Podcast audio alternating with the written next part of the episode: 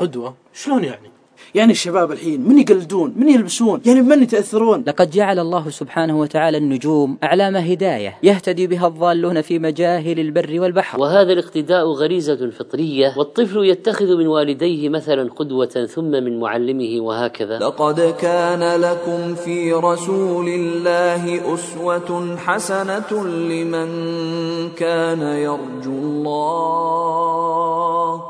لمن كان يرجو الله واليوم الآخر وذكر الله كثيرا. أتانا بهادي الكتاب المبين. ومن أهدافه عليه الصلاة والسلام الوسيلة. أباؤه سادات الناس. حتى نكون عباد لله ونكون أقوياء بالله لابد أن نستسلم لأمر الله. ونبينا صلى الله عليه وسلم كان أعظم البشر تسليما لله ورضا بحكمه وقضائه. المصطفى. صراحة يا شباب الزواج خلاني أعرف طعم العفاف كان رسول الله صلى الله عليه وسلم أعف الناس نفسه. صلاة عليه صلاة عليه تزيل الهموم. وتجلو النفوس من الحيرة. حمل النبي صلى الله عليه وسلم أعظم مسؤولية وأجل مهمة إنها مسؤولية الرسالة. ومع هذا كان رسولنا صلى الله عليه وسلم يتفقد أصحابه. عاش نبينا صلى الله عليه وسلم والصدق بساطه والأمانة دثاره. وزكاه ربي بخلق عظيم. وطهر حباه ذر القمة علمنا كيف نحب وكيف نحب. كن قدوتك النبي صلى الله عليه وسلم. فالنبي صلى الله عليه وسلم جمع أحسن الخصال جمع كل الخصال الحميدة هو المصطفى قادنا للفلاح. هو قدوة بحلمه وعفوه هو قدوة في شفقته ورحمته هو قدوة في تواضعه هو قدوة في عبادته وصف قدميه لله عز وجل. هذا هو نبينا صلى الله عليه وسلم. وقدوتنا جميعا ينبغي أن تكون محمد صلى الله عليه وسلم. هو المصطفى قادنا للفلاح. صلى الله عليه ودرب وسلم الرشاد إلى هذا البرنامج جزء من حملة قدوتي. تفضلوا بزيارة موقع الحملة على الإنترنت. www.kudwati.com q u d w a t u i يا شباب الزواج مثل الحياة فيه المر وفيه الحلو لكن ما أحد يقدر يستغني عنه. إيه مثل ما يقولون شر لا بد منه. اتق الله يا رجل. والله ما نشتري نقول هالشيء. الكلام هذا ما يصلح. الله يهديك يا أبو عبد الله هذا مثل. لا لا مو من مثالنا هذا. صحيح هذا مثل أجنبي عنا يقال للنساء مو عن الزوجات. لا والله ما يصير يا شباب معليش ما يصير نقول لا عن النساء ولا عن الزواج. صحيح يا أبو عبد الله إحنا لازم ننظر باحترام للزواج لأنه سنة والنساء لأن النبي صلى الله عليه وسلم وصى عليهم. اللهم صل وسلم عليه. قال الرسول صلى الله عليه وسلم استوصوا بالنساء خيرا. لكن باعتبار الزواج مثل الحياة فيه الحلو وفيه المر. ودي لو كل واحد يتكلم عن المشاكل اللي عانى منها. طبعا الزواج فيه مشاكل لكنها تروح بعد فترة. وش أكثر مشكلة عانيت منها يا أبو عبد الله؟ والله يا شباب أنا أرى أن أكبر مشكلة في الزواج هي تعود الزوجين على طباع بعض. وأنت يا أبو محمد وش أكثر مشكلة عانيت منها؟ والله أنا أكبر مشكلة عندي كثرة الطلبات.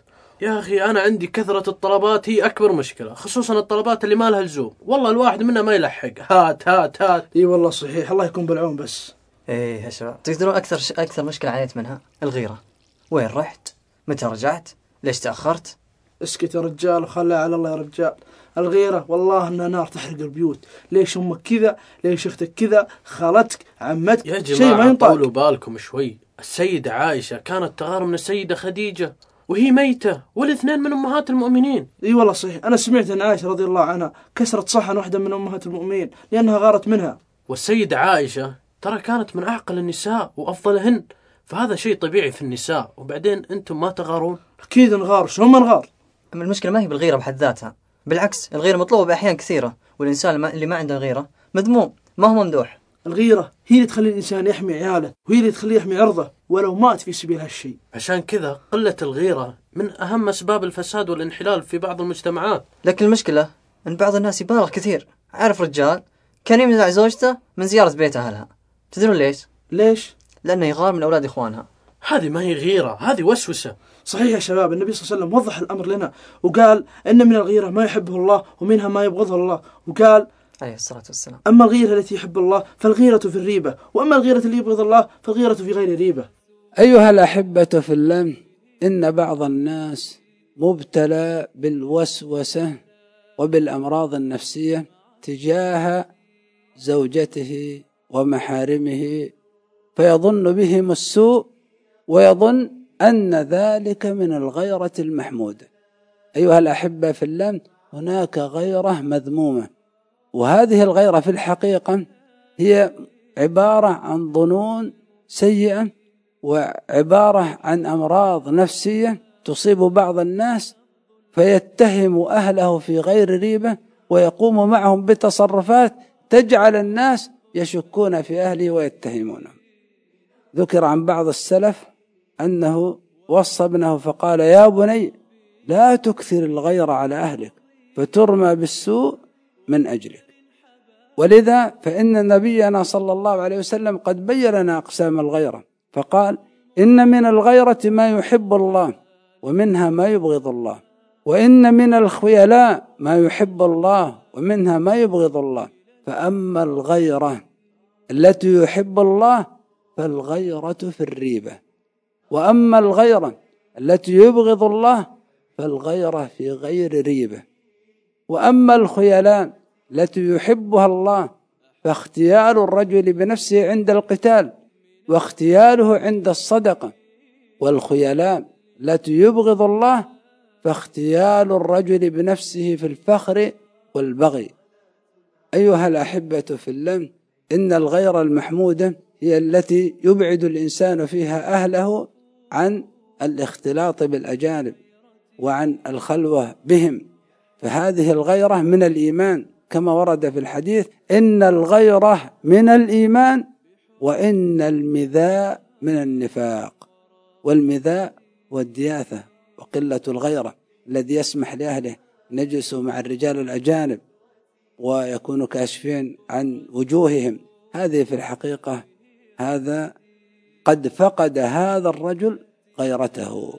فأسأل الله تبارك وتعالى أن يملأ قلوبنا بالغيرة المحمودة على محارم. أتانا بهادي الكتاب المبين. صلى الله عليه وسلم. الأنام من الظلمة من الظلمة. من الظلمة. من الظلمة. وزكاه ربي هل الغيرة صفة حسنة أو سيئة؟ قد تكون حسنة وقد تكون سيئة. لا لا حسنة. أحيانا تكون حسنة وأحيانا تكون سيئة. بالأصل صفة حسنة. والله صفة حسنة بنظري صراحة يعني. إذا كانت خاصة يعني. الغيرة لها حدود. الغيرة أحيانا بيبقى شيء كويس وأحيانا بيبقى شيء آه، زايد عن حده. إذا كان زايد عن حده بيبقى شيء مرفوض ومش مقبول يعني. على حسب الموقف. أيها الإخوة والأخوات قد البعض يقول إن الغيرة صفة سيئة. والبعض يقول أن الغيرة صفة حسنة والحقيقة والمطلع والممعن سيجد أن الغيرة أحيانا تكون صفة حميدة وأحيانا تكون صفة سيئة. نعم هي حميدة. فالله سبحانه وتعالى كما أخبر النبي صلى الله عليه وسلم فيما رواه البخاري ومسلم عن أبي هريرة رضي الله تعالى عنه قال قال رسول الله صلى الله عليه وسلم إن الله تعالى يغار وغيرة الله تعالى أن يأتي المرء ما حرم الله عليه. وهناك رواية عن النبي صلى الله عليه وسلم قال أتعجبون من غيرة معاذ؟ فإني والله أغير من معاذ والله أغير مني ومن معاذ أو كما قال النبي صلى الله عليه وسلم. فلذلك الغيرة إذا كانت على ما حرم الله عز وجل كانت الغيرة على الأعراض غير على الأموال على الديار على الحقوق. فهي ولا شك أنها صفة محمودة ومطلوبة. وأما أن كانت الغيرة هذه لا أصل لها ولا حقيقة لها وفي أمور تافهة أو قل في أمور لا تعود بنفع إنما تؤجج نار الحقد والبغي والحسد. وخاصة غيرة النساء مثلا على الأزواج أو غيرة الأزواج على زوجاتهم أحيانا هناك غيرة محمودة ومطلوبة يغار عليها بأن يحجبها فلا تظهر على الرجال. هذه هي الغيرة المحمودة. أما أنه يدعي الغيرة وهي تخرج ربما متبرجة ومتعطرة ومتجملة إلى الشوارع ثم إذا نظر أحد إليها إلى زوجته آه، كأنه غضب أو أعلن بعض علامات الغضب وربما تكلم أو ربما أجرى خ- خصومة بينه وبين الذي نظر إلى زوجته فهذه غيره غير صحيح، غيره ليس في مكانها. الغيرة الحقيقية هي أنك تمنع أحد أن يتأمل فيها أو يناظرها، مع أنها متحجبة الحجاب الكامل فأنت لا ترضى أحد أن يشاهدها ولا أن يلقي ببصره عليها، فكيف إذا كانت أصلا متبرجة؟ اذا لابد من الغيره الحقيقية المضبوطة بضوابط الشرع. ولذلك يا أخواني الكرام ويا أخواتي لتكن الغيرة هي وفق ما أمرنا الله سبحانه وتعالى به أن نغار على أعراضنا وعلى أموالنا وعلى ديارنا وعلى محرمات الله سبحانه وتعالى ولا تنتهك أمامنا المحرمات هنا تكون الغيرة المحمودة. اذا الغيرة صفة محمودة إذا كانت في مرضاة الله وفيما شرع الله سبحانه وتعالى. وتكون الغيرة صفة سيئة إذا كانت سببا للمشاكل والأحقاد والأحساد والفرقة بين الزوجين هنا تكون صفة سيئة. هذا البرنامج جزء من حملة قدوتي. تفضلوا بزيارة موقع الحملة على الإنترنت www.قدوتي.com إن الأخلاق الرفيعة جزء مهم من العقيدة. فالعقيدة الصحيحة لا تكون بغير خلق.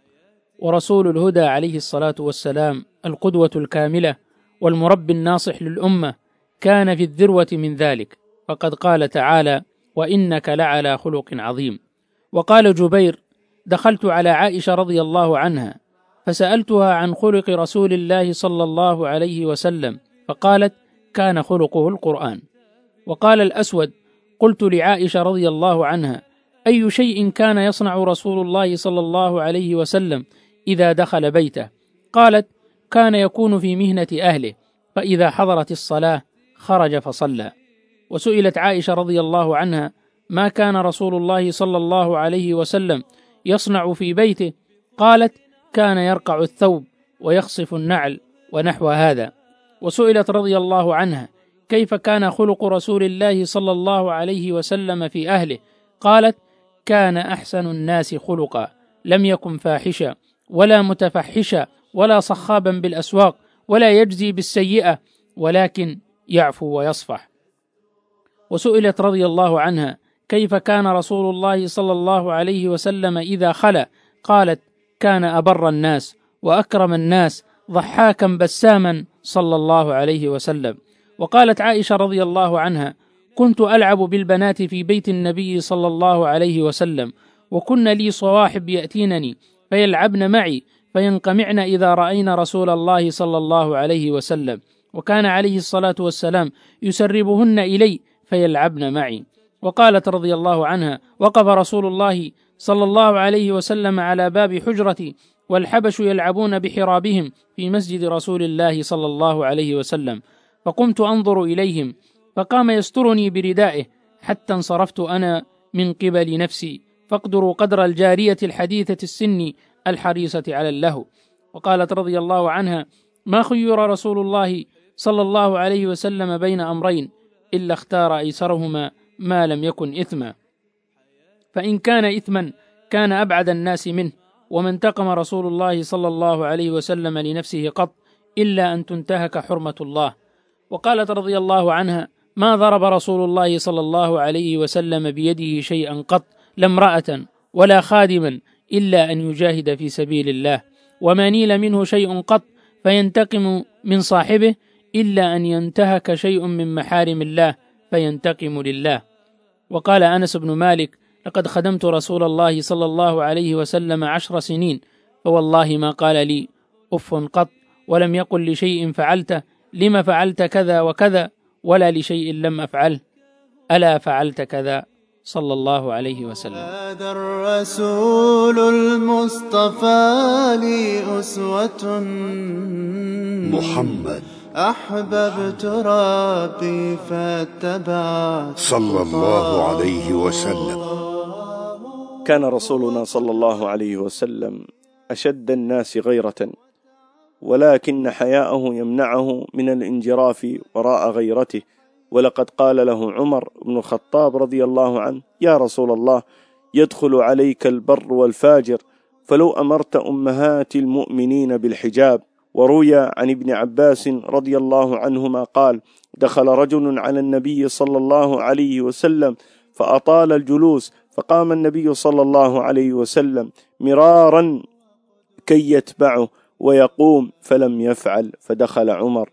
عمر المسدد الملهم رضي الله عنه فرأى الرجل وعرف الكراهة في وجه النبي صلى الله عليه وسلم فنظر إلى الرجل فقال عمر للرجل لعلك آذيت النبي صلى الله عليه وسلم ففطن الرجل فقام فقال النبي صلى الله عليه وسلم لقد قمت مرارا كي يتبعني فلم يفعل فقال عمر رضي الله عنه لو اتخذت حجابا فإن نساءك لسن كسائر النساء وهو أطهر لقلوبهن. انظروا إلى هذه الغيرة انظروا إلى هذه الحمية من عمر رضي الله عنه وكان النبي صلى الله عليه وسلم أشد غيرة من عمر فلما أنزل الله الحجاب كان رسول الله حريصا عليه. فقد أخرج أبو داود والترمذي والنسائي عن أم سلمة أنها كانت عند النبي صلى الله عليه وسلم وميمونة فقالت بينما نحن عنده. أقبل ابن أم مكتوم فدخل عليه فقال رسول الله صلى الله عليه وسلم احتجبا عنه فقالت يا رسول الله أليس هو أعمى لا يبصرنا؟ انظروا أيها الناس انظروا يا نساء المسلمين أعمى لا يبصر. مع ذلك أمر النبي صلى الله عليه وسلم نساءه أن يحتجبن عن هذا الأعمى غيرة منه صلى الله عليه وسلم وشدة حرص منه صلى الله عليه وسلم أن يكون نساؤه على أطهر هيئة وأطهر قلوب فهو الحجاب الذي أمر النبي صلى الله أمر الله سبحانه وتعالى نساء المؤمنين. فقال أفعمياوان أنتما ألستما تبصرانه؟ نعم هما يشاهدانه لذلك قال النبي صلى الله عليه وسلم أمرهما بالحجاب أو كما قال عليه الصلاة والسلام. هذا البرنامج جزء من حملة قدوتي. تفضلوا بزيارة موقع الحملة على الإنترنت. www.kudwati.com q u d w a t y.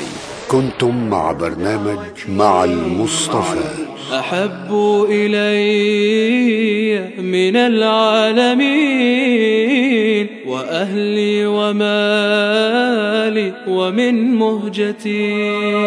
كان معكم من الإعداد. محمد عبد الحليم بعاج ومن التقديم. فضيلة الشيخ عبد الله الحميد فضيلة الشيخ عبد الله الزهراني. فضيلة الشيخ عبد الله الحربي. فضيلة الشيخ أبو زيد مكي. فضيلة الشيخ عادل الجهني فضيلة الشيخ محمد صالح المنجد الأستاذ حمزة الزبيدي. الهندسة الصوتية. وائل ناجي زايد الحميري. الرؤية الفنية والإخراج. أحمد نور. تم هذا العمل في استوديوهات مجموعة زاد للإعلام من الحيرة يحن الفؤاد فيسري بحب إمام الورى قدوتي. بحب إمام الورى صلى الله عليه وسلم. تم تنزيل هذه المادة من موقع نداء الإسلام www.islam-call.com